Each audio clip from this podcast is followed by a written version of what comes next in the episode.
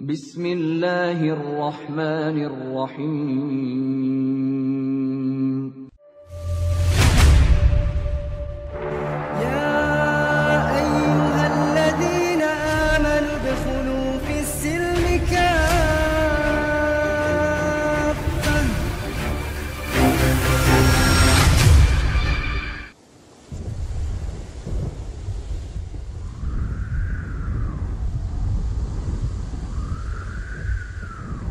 Assalamualaikum warahmatullahi wabarakatuh.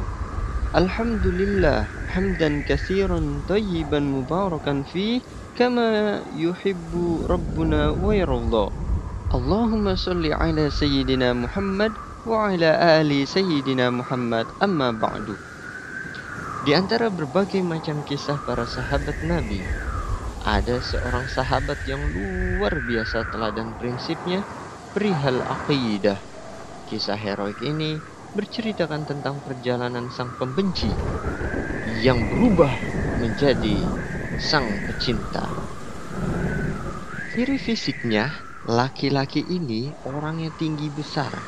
Kalau duduk di atas kuda, kakinya sampai di tanah. 2 meter sekian tingginya. Orangnya besar sekali. Beliau ini sebelum masuk Islam terkenal sangat keras dan sangat membenci Islam. Nah, coba tebak teman-teman, siapa sosok sahabat yang satu ini? Ya, benar sekali. Ia adalah Umar Al-Faruq. Umar bin Khattab radhiyallahu anhu. Bagaimana kisahnya? Sebelum masuk Islam, dan keteladanan apa yang bisa kita ambil dari perjalanan hidupnya? Dikala membunkahnya rasa benci yang amat sangat terhadap Islam dan Muhammad. Pernah pada suatu hari dia keluar dengan memakai baju perang dan membawa pedang, hendak berniat membunuh Nabi Muhammad Sallallahu Alaihi Wasallam. Di dalam perjalanannya, ia bertemu dengan seorang sahabat Nabi yang menyembunyikan identitas keislamannya dan bertanya kepada Umar, Wahai Ibnu Khattab, mau ke mana kau? Saya mau membunuh Muhammad. Dialah yang telah memecahkan masyarakat kota Mekah. Karena sahabat ini merasa takut kalau Umar benar-benar hendak membunuh Nabi, ia pun mengalihkan perhatian Umar dengan berkata, Kenapa kau urus Muhammad? Adik perempuanmu dan adik iparmu sendiri pun sudah masuk agamanya Muhammad. Adiknya bernama Fatimah dan adik iparnya bernama Said bin Zaid yang menjadi salah seorang dari sepuluh sahabat Nabi yang dijamin masuk surga. Umar pun bertanya, Apa benar adik saya sudah murtad tinggalkan agamanya?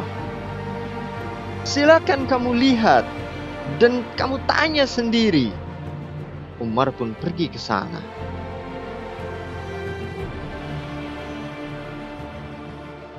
Rupanya Fatimah, adik Umar, dan suaminya Said bin Zaid sedang belajar Al-Quran dengan salah seorang sahabat Nabi yang bernama Khobab bin Araf.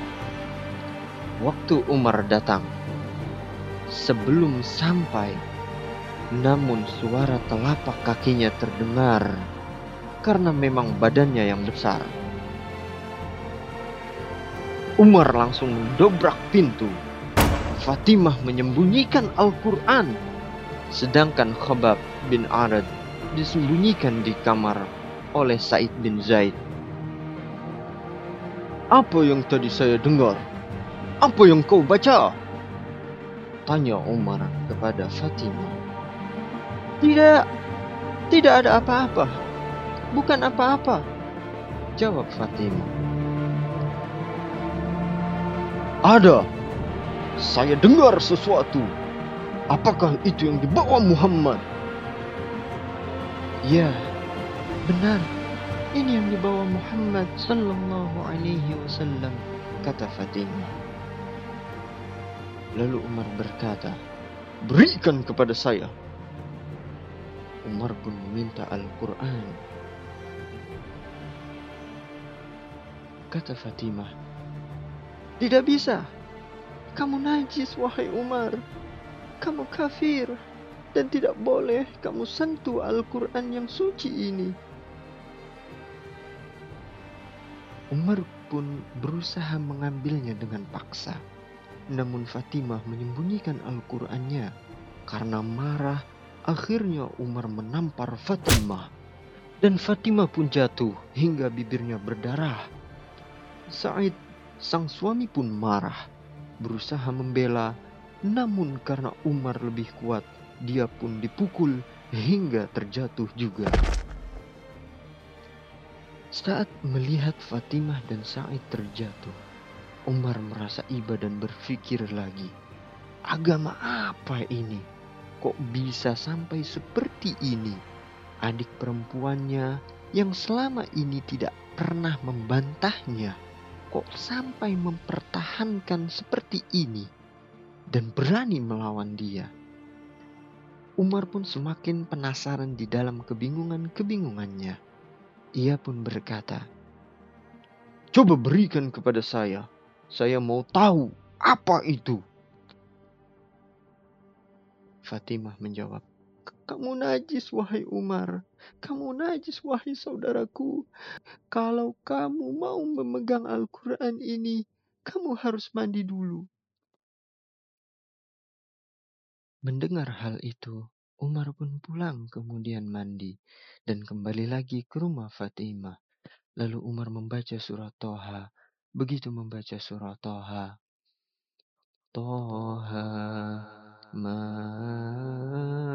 anzalna alaikal qur'ana litashqa. Kami tidak menurunkan Al-Quran ini kepadamu Muhammad agar engkau menjadi susah. Illa tazkiratan liman yakhsha melainkan sebagai peringatan bagi orang yang takut kepada Allah. Tanzilam mimman khalaqal arda was samawati ula. Diturunkan dari Allah yang menciptakan bumi dan langit yang tinggi. Terus hingga selesai surat Toha, Allah kisahkan cerita tentang Nabi Musa dan Fir'aun panjang lebar dalam surat Toha tentang ketauhidan, tentang keesaan Allah subhanahu wa ta'ala. Umar pun tersentuh dan Umar yang suaranya terkenal keras ini tiba-tiba menjadi lembut suaranya. Dia berkata, Tunjukkan kepada saya di mana rumahnya Muhammad. Khobab bin Arad, sahabat Nabi yang menjadi guru ngaji dalam kamar tadi mendengar, keluar dan berkata, Saya akan tunjukkan kepadamu di mana Muhammad. Khobab tahu bahwa Umar sudah lunak hatinya. Setelah berjumpa dengan Nabi Muhammad Sallallahu Alaihi Wasallam di Darul Arqam, saat itulah Umar bin Khattab bersyahadat dan masuk Islam dan kehidupan Umar penuh dengan perjuangan karena banyak mendapat perlawanan dan pertentangan dari para tokoh-tokoh kafir Quraisy. Setelah masuk Islam, Umar tak segan-segan untuk mempromosikan keyakinannya, yakni agama Islam dengan caranya sendiri. Hingga dari kisah ini dapat kita ambil hikmahnya bahwa yang pertama Hidayah atau petunjuk Allah Subhanahu wa taala adalah sesuatu yang mahal. Karenanya, saat sudah didapatkan hidayah harus dan mesti dijaga dengan baik.